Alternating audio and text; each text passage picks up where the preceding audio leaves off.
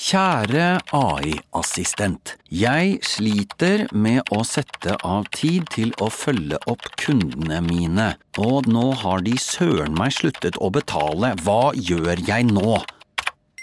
Med Amili, en ny helhetlig løsning fra Visma, kan du automatisere bort de kjipe oppgavene og tilpasse fakturering og betalingsoppfølging for hver enkelt kunde. Og det beste av alt, du får raskere betalt. Amili? La meg sjekke. Amili.no. Hei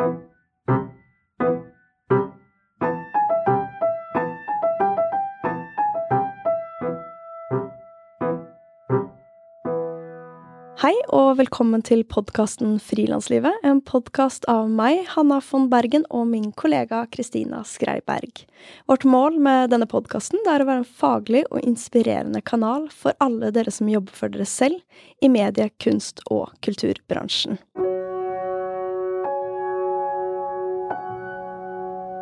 Ukens annonsør er regnskapsprogrammet Fiken.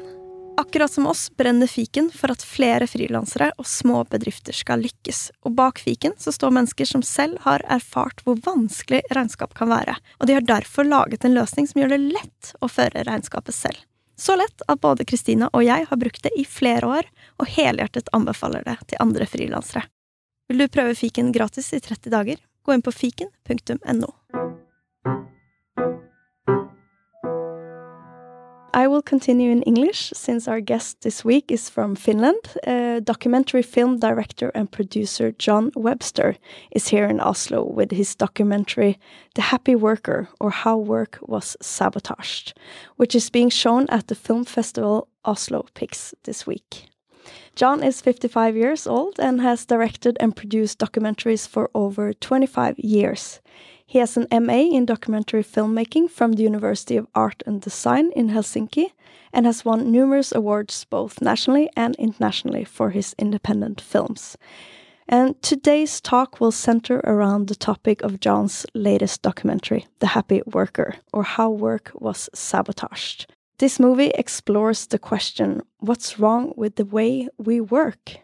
This documentary focuses mainly on office workers, but many freelancers can probably relate to certain aspects in relations to clients, projects, or just the dread of ending up in a nine to five job like the one portrayed in the movie. I'm looking forward to hearing John's take on what is causing this unengagement and unhappiness. What surprised him in making this film? And what can we as freelancers learn in order to stay happy in our jobs? Hi, John, and welcome to Oslo. Hi, Hannah. Thanks. Nice to have you here. Great to be here. Where did this idea for this movie come from? Well, it started in 2018, um, and I was looking around for for my next project, and it, like over a number of years, it had struck me like how many of my close friends, highly educated, uh, highly motivated, critical thinkers, uh, who loved what they did, but absolutely hated their workplace. And they were. It wasn't just like, it just like you know a little unhappy. Many of them were deeply unhappy. So it. Um, there was a couple of uh, uh, f- like really interesting. There's an article in the Guardian by Andre Spicer, who's in the film as well, who's uh, called uh, "Business Bullshit," and then David Graeber, the anthropologist, uh, had a, uh, a, book come out the following year called "Bullshit Jobs," and both of those were fairly instrumental in like really drawing me into the subject. And in the beginning of this documentary, the narrator lists several characteristics of a normal workday for many. But the points listed are actually from a manual for sabotage used during the Second World War. Uh, tell us a bit about this sabotage manual. Well, this was actually something that Andre Spicer referenced, and the, and the, the the examples that was striking were so um, things that were known to make work less productive and people are more unhappy. So they were interrupt work as often as possible, hold meetings when there's something more important to be done, always refer decisions to committees and make sure the s- committees at least six people, um, make sure that three people have to approve anything when one would be enough and improve paperwork. Those are just some of the examples. And for most people working in an office, that's a normal day in the office. Yeah. And this was actually a manual distributed to kind of yeah for people to uh, sabotage. Yeah, this was this was a manual called the Simple Sabotage Field Manual. I think I got the name right.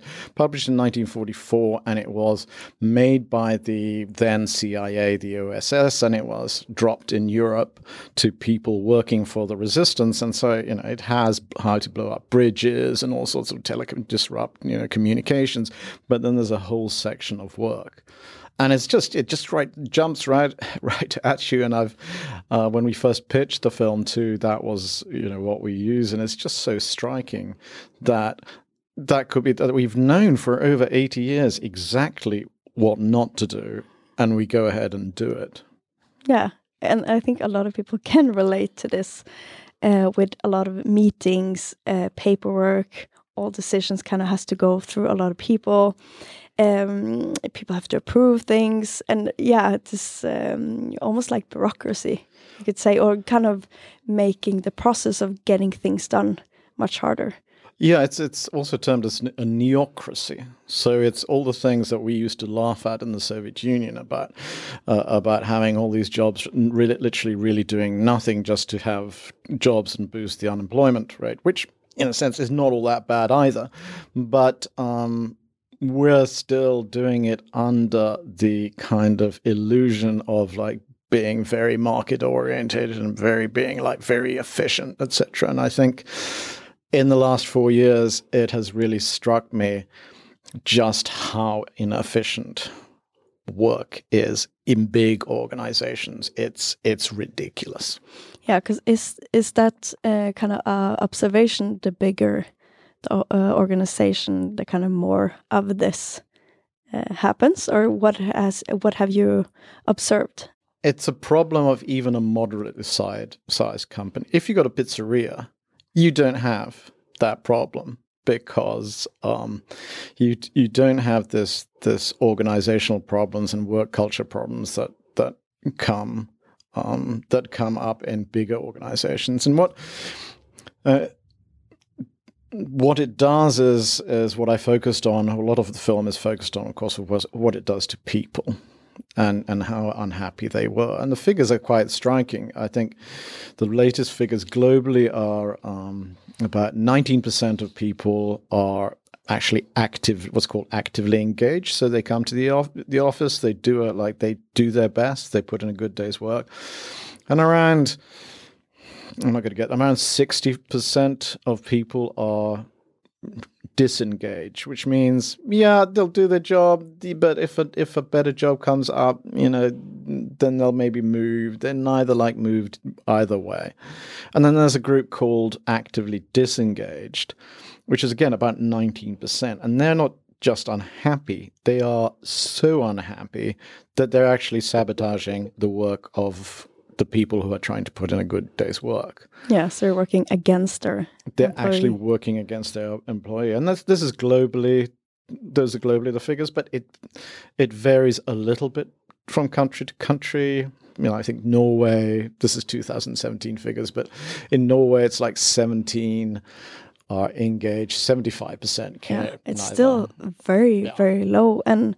Uh, uh, these are quite some depressing facts. Uh, this um, research that you talk about is a global survey done by Gallup, which they do uh, quite often. And I actually went to Gallup's webpage from the State of Global Workplace 2022 report, where it says, quote, living for the weekend, watching the clock tick, work is just a paycheck, unquote. And these are the mantras of most global workers.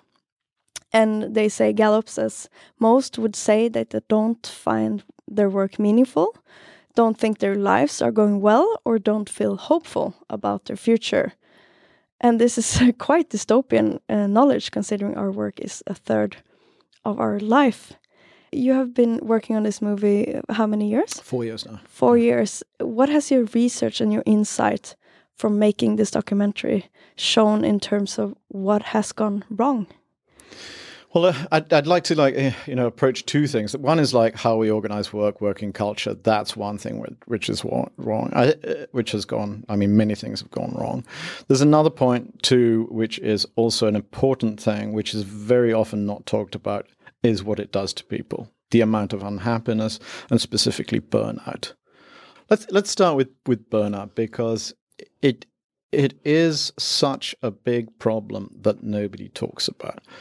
So burnout, there are many different studies, but but pretty much one in two people working in the office or working have experienced burnout symptoms. Millennials, and this was Deloitte, I think, millennials, 80% of millennials have experienced some form of burnout, either during their studies or then in working life. And there are like three, what Christina Maslach, who's a, a, pioneer of burnout, she calls there are three dimensions of burnout.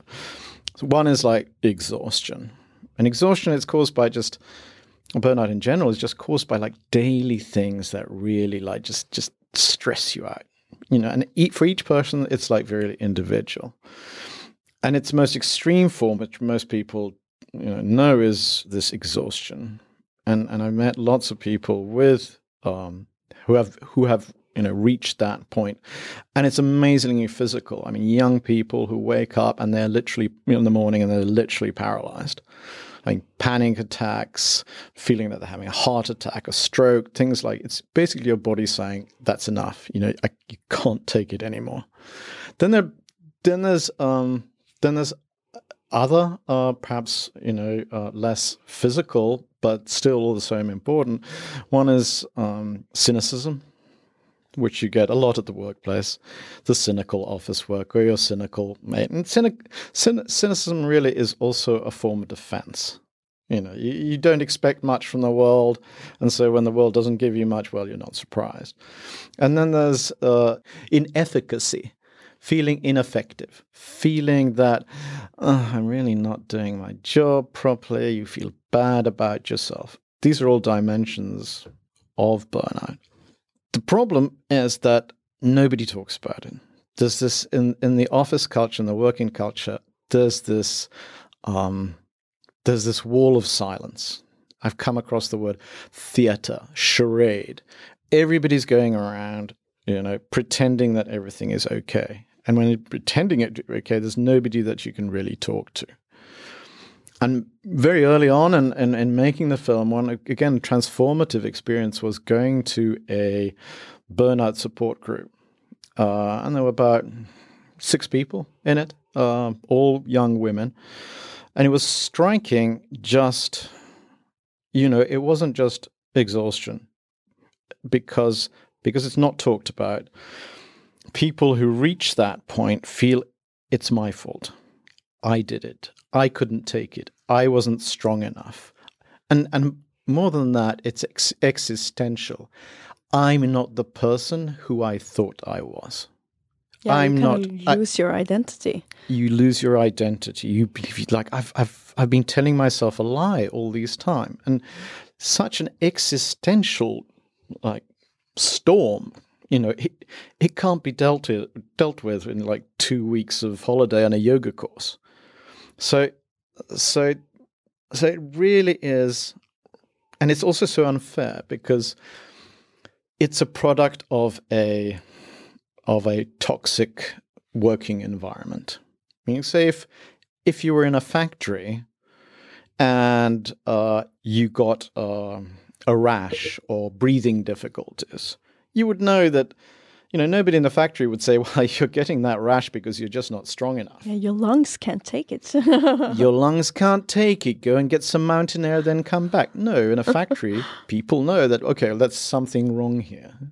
In, in the office, there's not that. It, or even though today we're talking more about burnout, but it's still going back to to the individual. Yeah, and she kind of mentions uh, the woman you're talking about, um, Christina Maslach yeah, she um, Christina Maslach has researched and identified kind of key causes of workplace burnout, um, uh, which I've written down. But do you remember them as well? Well, I think you're talking probably about the key, like six areas that people that are important to people in work. Yeah. So, uh, just a word about Christina Maslach. So, she's a pioneer out of Berkeley. She's a professor at Berkeley, or used to be a professor at Berkeley. Uh, she has this wonderful book called "The Truth About Burnout."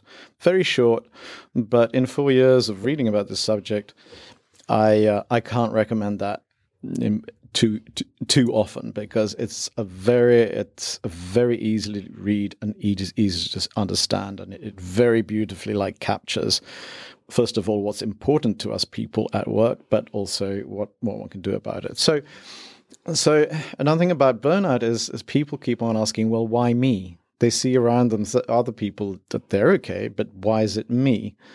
Well people are individuals and there are some things that are more important to some than are to others. And so, and again, there's lots and lots of really good research about how to have a good working environment.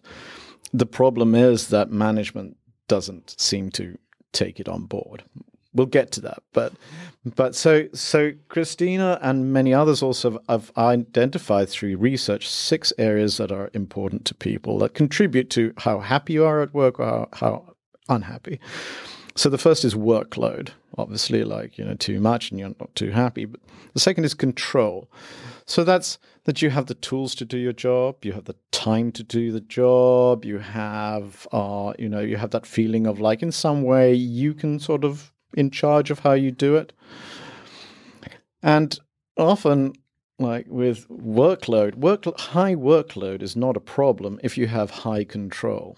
The problems come when you have a high workload and very low control.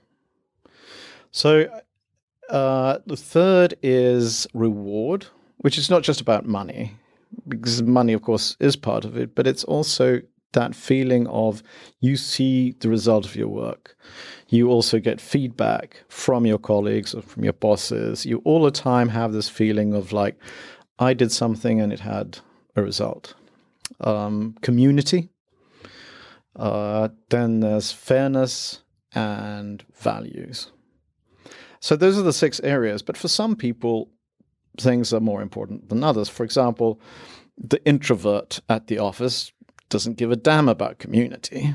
Could be to that person, it's like it's value, or it could be fairness to that person.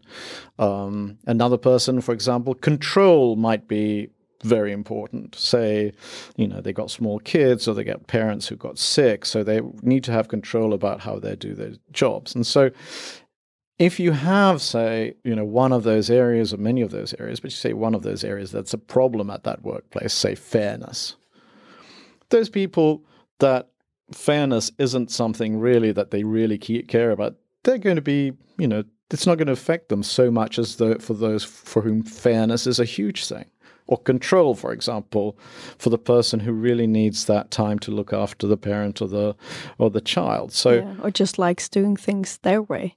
Doing things yet their way, yes, yes, that too. That too is is so. So they're very individual. Yeah, and I think uh, freelancers that uh, that is listening to this talk can kind of relate also probably to certain aspects of this uh, that when you work for yourself, you might have a, like a huge workload, but you also have um, a high degree of control. Hopefully, if you can kind of, if you have good enough income, so you can choose a bit what jobs to take and how to do them, etc. Uh, and a lot of people that we have talked to and kind of in service we have done and uh, research we have read is this also kind of need of community, which a lot of freelancers lack or need to, or feel they could have even more of. So they might have, you know, a co working space or a group of freelancers doing the same. So you can kind of exchange, knowledge or support each other. Yes, that's, exactly right about freelancer. As a freelancer myself, you know, for you know, thirty years, it's yeah, workload. Workload is seldom a problem, just because one has so much control. You're your own boss.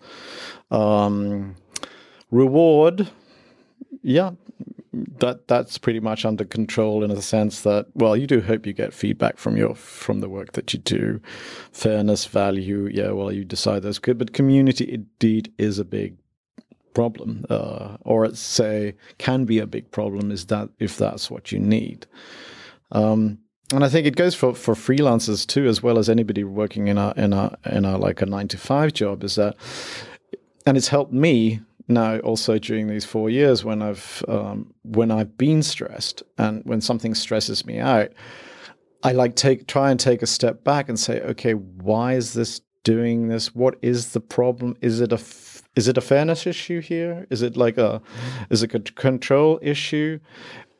And and that sort of helps me like realize and process it and realize okay why why that's um, important to me. Control is like super, super important to me. Yeah, me I mean, too. it, it, it, sounds like you know I'm a control freak, but no, I mean I'm a freelancer and I, I do this this the way you know, and I, I don't have a regular salary salary, and it's all like project based, and you know it's very uncertain, etc. But at least I get to do the things and live the things that you know I'm passionate for if one's starting out to become a freelancer, I think one does have to think about, well, who am I? What is my personality? Is is community important to me? Is value, fairness, things like that?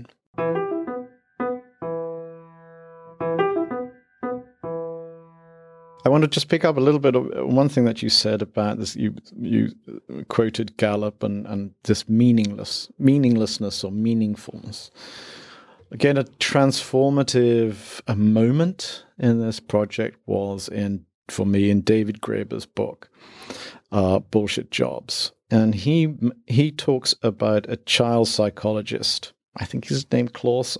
Could be I'm wrong, but turn of last century, one of the first child psychologists, and he talks about this this moment in anybody who has know, small babies um, or worked with small babies, they know about nine months, babies do is they pick up something and they drop it. And then they wait for the adult to come and pick it up. Then they drop it again, and the adult comes and they drop it and they come, and it's like they go on for hours. And so This is like a transformative moment in each one of our lives. It's that moment when you realize that you can have an effect on the world. I drop this pen and it has the effect that the adult comes and picks it up. Or I knock this thing over. And it's amazing like realization in our lives. It's it's it happens before we can talk, it happens before we can walk. We realize that we're not just an amoeba floating around you know, in water. It, we can have an effect. And I think that's what work is too. It's whatever your work is. It's it's you do it because you f- or you want to feel that what you did had an effect. And so much of working life these days, and specifically office work, is you don't see what effect it has. You don't know why you're doing this. Like, or if it has any meaning at all. And one of the saddest things about our working culture is that it robs people of that like very basic human need.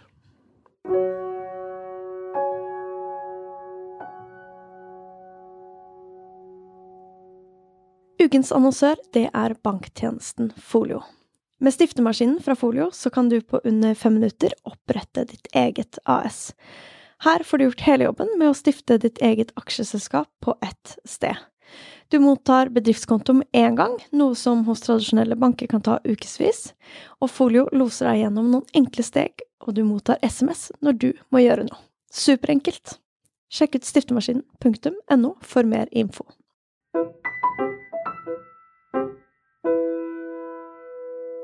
Christina Maslach talks about, you know, in the in the last decades, we've made huge you know advances in ergonomics. We realize that the human body is built in a certain way to be more efficient. You know, we have better lighting, better um, uh, you know, better working spaces. In the same way, we should understand that we need better ergonomics of the mind. So we have ways in which people work together and, and make that more efficient because that's that's where the money really is made. There's a wonderful example about again, you know, research how long we've known how to make people, you know, to work more product productive. Now, there was this experiment in the 1920s called the Hawthorne experiment. In the 1920s and 1930s were like a really scientific uh, era of management. You know, you think of Charlie Chaplin and modern times. You know, got scientists trying to get the extra, you know, out of out of out of the workers. So he had this factory, and I forget what the factory does, but it it's not important. But they wanted to know what effect lighting and air conditioning had on productivity. So they took this factory and they, you know, they gradually increased the air conditioning and they gradually made the lighting better.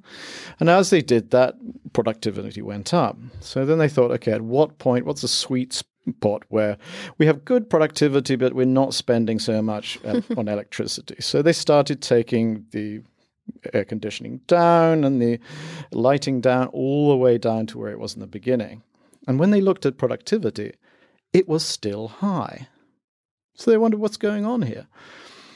And when they looked closely at it, it was because on the factory floor, there were scientists or members of the scientific group asking factory workers, How do you find this lighting? How do you, you know, can you work better here? Like, what do you think of the air conditioning? So, all it took to make productivity high was for those doing the work to feel that somebody in management cared that they could do the work well and to the best of their abilities. Wow, yeah, that's a hundred years ago. And we still learned nothing. Yeah, it's a very clear example. I was a bit curious because as a freelancer, what made you want to create a documentary about kind of modern day office workers? I think in in the documentaries or my documentary filmmaking. I mean, documentary filmmaking it takes you know it takes two to three years usually to to make a film. So a lot of the time, or all the time, really, it's not a question about just making a film. It's like how am I going to spend my life? Um, and I tend to I, I I look for subjects that I really care deeply about, and because that's going to keep me going uh, for the next three or four years through all the hardships and, and through you know the difficulties in making a film. So I think in any project I have to find something which I feel you know this could be better. or or where I see that people are like unnecessarily like it's an unnecessary problem and I think working culture is a totally unnecessary problem. And it's also, when it comes to burnout, it's a very unfair problem, a deeply unfair problem. Um, so I think there's this activist in me. I think I wouldn't make documentaries, or part, big part of documentary, of course, is you know cinema and filmmaking. But for me, an important aspect is like, you know, can it change something somewhere? Mm. what do you hope to kind of change with this film?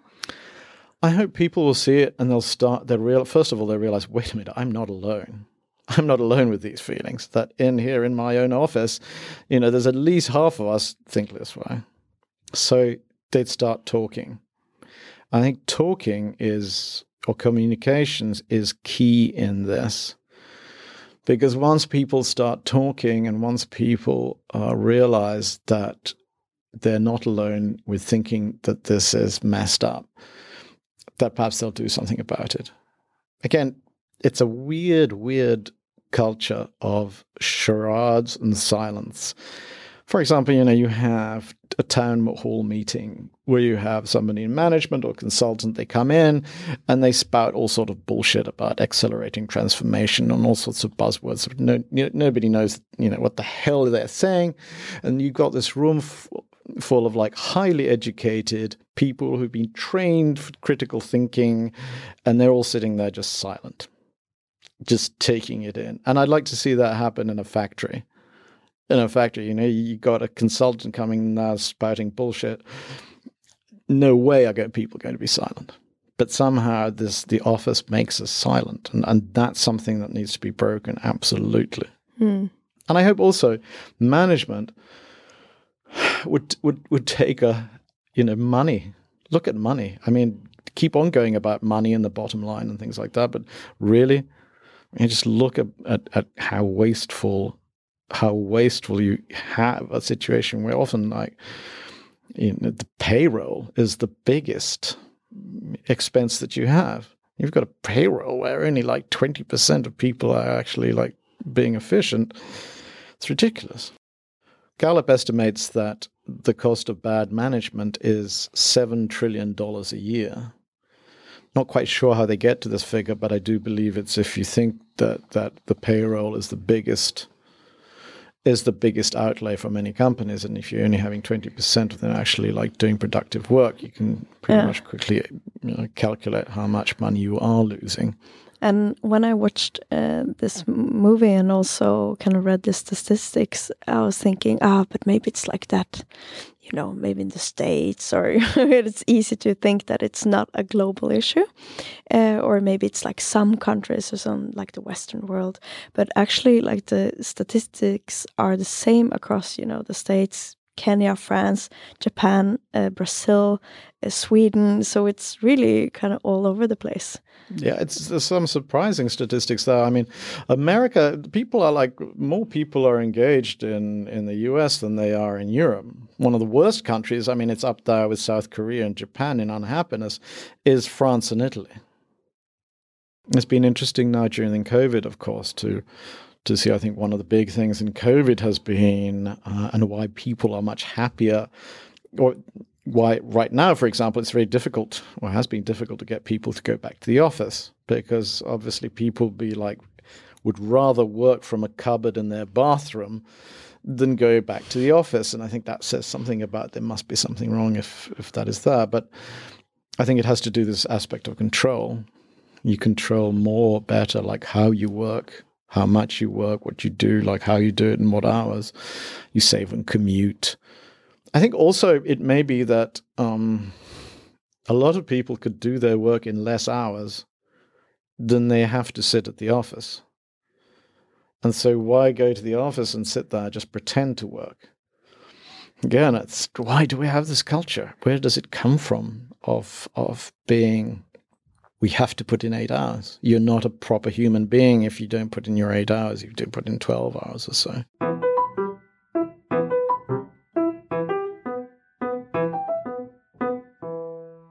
As we talked about, this movie is very much about kind of the aspects of a modern day office work.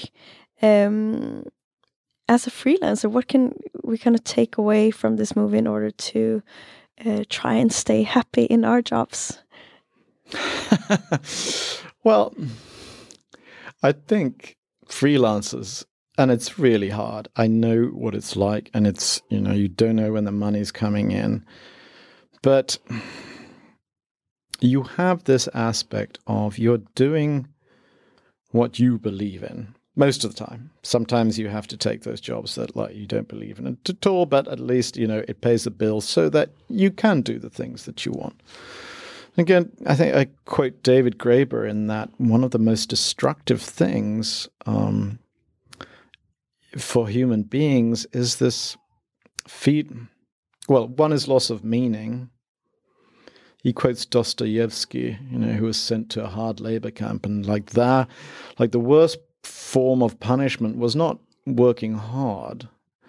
The worst was, and I think it was in Dostoevsky, but so one day they dug a ditch. The next day they filled that same ditch in. The day after they dug a new ditch, they filled it in. So day after day, you're doing something that you know is or you feel is absolutely pointless.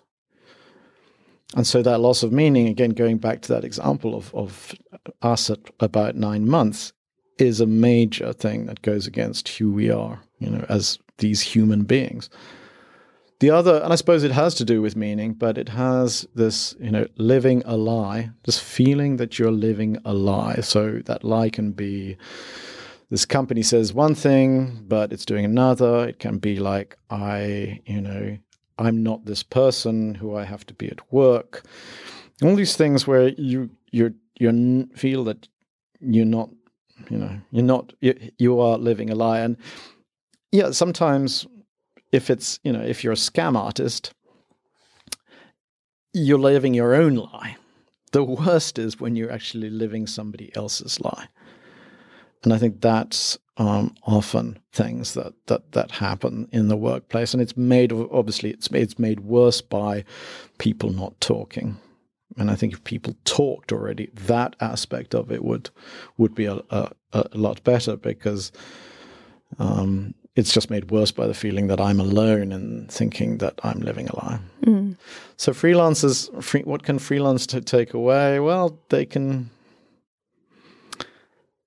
I think they can know that in many, many organizations, even if you've got a good pay and you've got a regular pay, it does not make you happy because that's not what makes people make people happy in the long run. It can be a lot of time also like a large compensation can be a compensation for all the other things that you don't have. But in the long run, I think, and studies bear this out, is is is it's not a key to to happiness. Mm.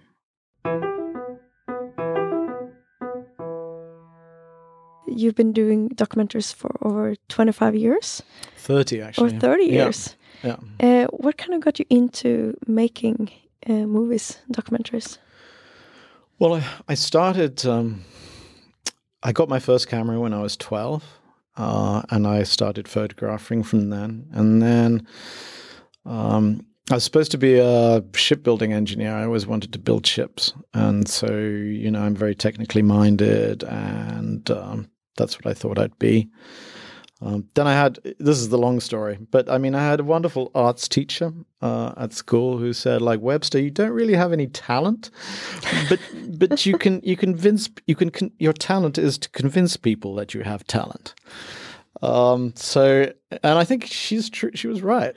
I'm very good at pitching. I'm very good at selling idea, at selling film ideas, and I think I'm better at than actually making the films. But perhaps that's another story. So, so then I got more interested in this idea of that, you know, to how take um, the camera that perhaps one what for me felt like one step for, further, which was to have sound and moving in images. And of course, like I was really interested in people and human, how we sit fit into the world. Um, so yeah, so then I then I applied for the film school, and they had just set up a documentary um, strand and I got in and then started making films. Mm. And what is it kind of about this format of documentary that you uh, find appealing or that kind of fits you as a person? Well, I've never made any fiction. I've made radio fiction, which is great fun, super, super fun. I just love radio because you can, you know, or I suppose podcast it would be today, but where you can create any world uh, you can put things in any order that you want and create these amazing spaces. Uh, but no, I've never made fiction films. I think for me, the fascination is that in in fiction film, whatever is of beauty or truth, or you have to put in to the piece. So through good writing, good direction, uh, sound design, acting, uh, production value. Whereas documentary, whatever is of truth and beauty, you have to find from reality. And I think that for me is endlessly fascinating in just going into a subject. And you know, I often like follow people for a long time. Uh, do like long research, like six months at least, and you really get to know people, and then just like finding those moments that like speak speak to us all and I think that's yeah, I've done it for thirty years, and I just like yeah, I hope I get to do it for maybe not another thirty, but twenty. and kind of what aspects of your freelance life creates happiness for you? I think it is are those moments when the camera is rolling, the sound is rolling, and there's that moment in front of the cam, you know, in front of the camera, and you know this. Wow, this moment. They're not during a film shoot. They're not that many. Um, that creates happiness. I love being with people and like working with images and, and then when you get something like that that's oh it feels like this treasure. And i want more of this treasure. Um, then as in any work it's every at every stage that you are you're always dreaming about the next stage. So when you like researching you're like oh i wish i could start filming. And then you're filming it oh I wish I could start editing. so you kind of look look forward to that, and then yeah, yeah, that gives me happiness, and I think happiness too, of course, because I do want it to have like some effect somewhere. When I know like it's you know it's changed something somewhere. I mean, how many people it has to change? You know, more than me you know, one more than me is already a lot. So, and I think that's something that many filmmakers and documentary filmmakers, you know, always talk about is that what difference does this make? Mm. But we're going back to that question of meaning and like impact yeah, yeah. on the world, which I think everybody does. And uh, in this movie, I like one thing is the kind of effect uh, for people viewing the movie, but also in the documentary, you have this group of individuals kind of telling their story of how they have been unengaged or have um, experienced a burnout in their workplace and they're from different places in the world. You can also see kind of what effect it has on them as a group to be able to share and kind of uh, yeah tell their story to each other how helpful it is for them as well. So i think that's a nice kind of um, reflection to it to for the people that's been part of it as well.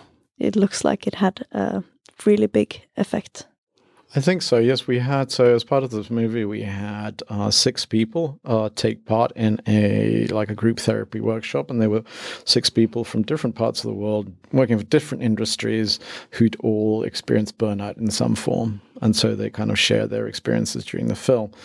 But I think you're exactly right there. I think the biggest thing for them was just to be able to share because burnout, it's so lonely.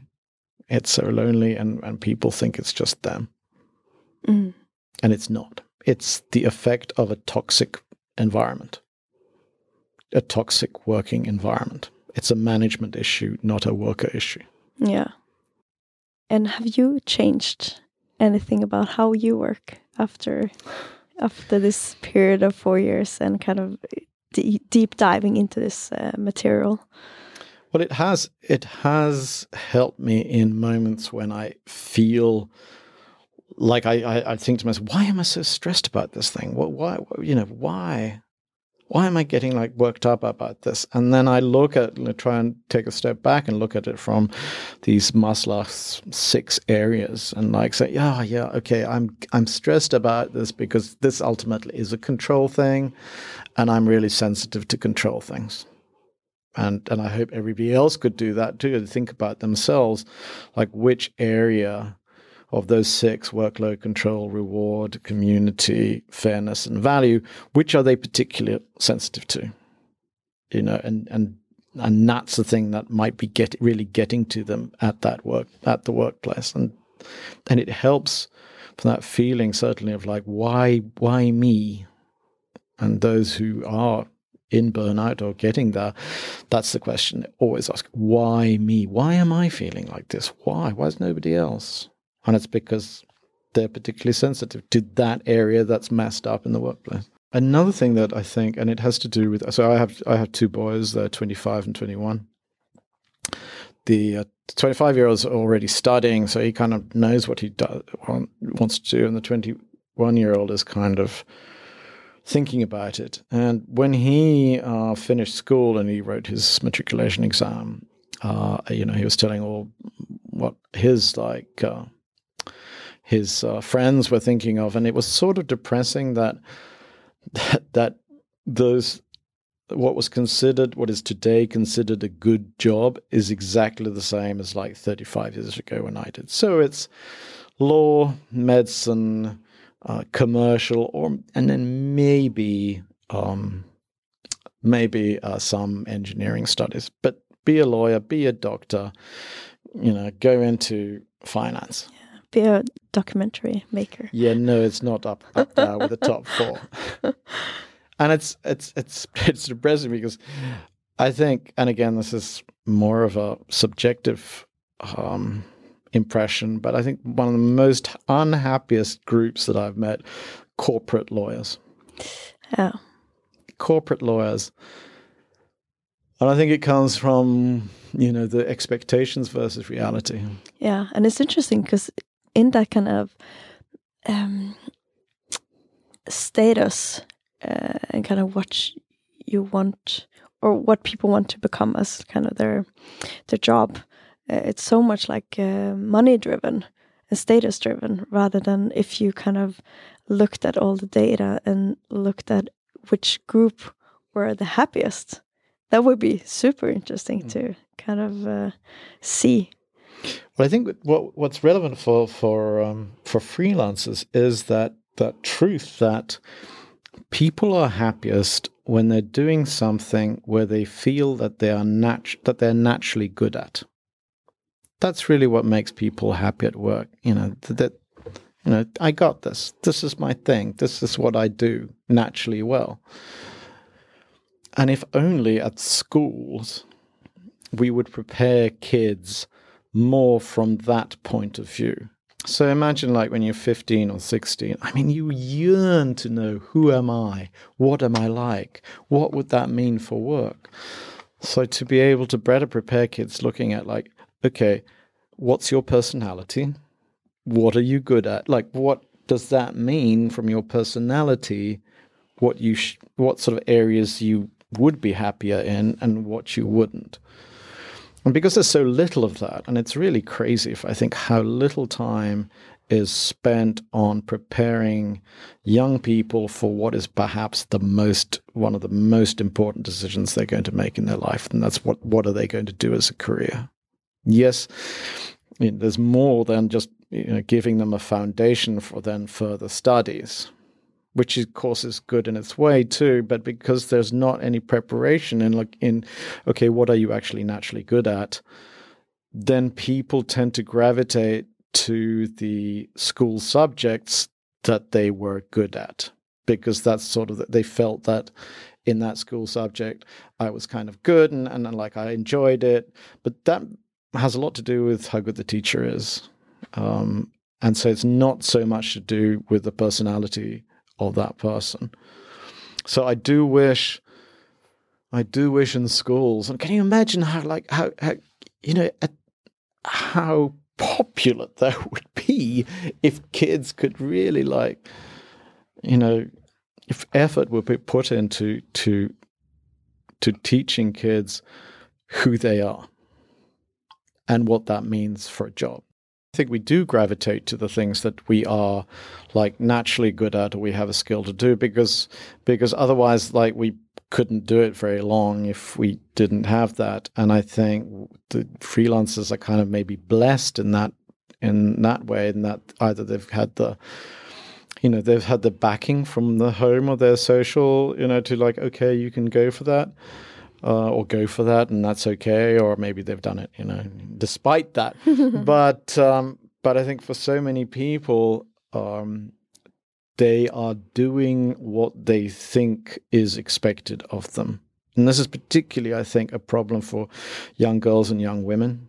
I think there's something in the way we bring up girls to um, that their sense of self is so often, it seems to me, built on these like academic, um, you know, these academic like being getting you know getting top marks from everything, and that's where their sense of worth comes from. Um, I don't know if it's you know if it's still so strongly like a gender divide, but I do think, and I now now during these four four years met a lot of people in burnout who were always like top of the class, always did mm. what was expected of them, always did that, and you just it's difficult to keep up. Yeah.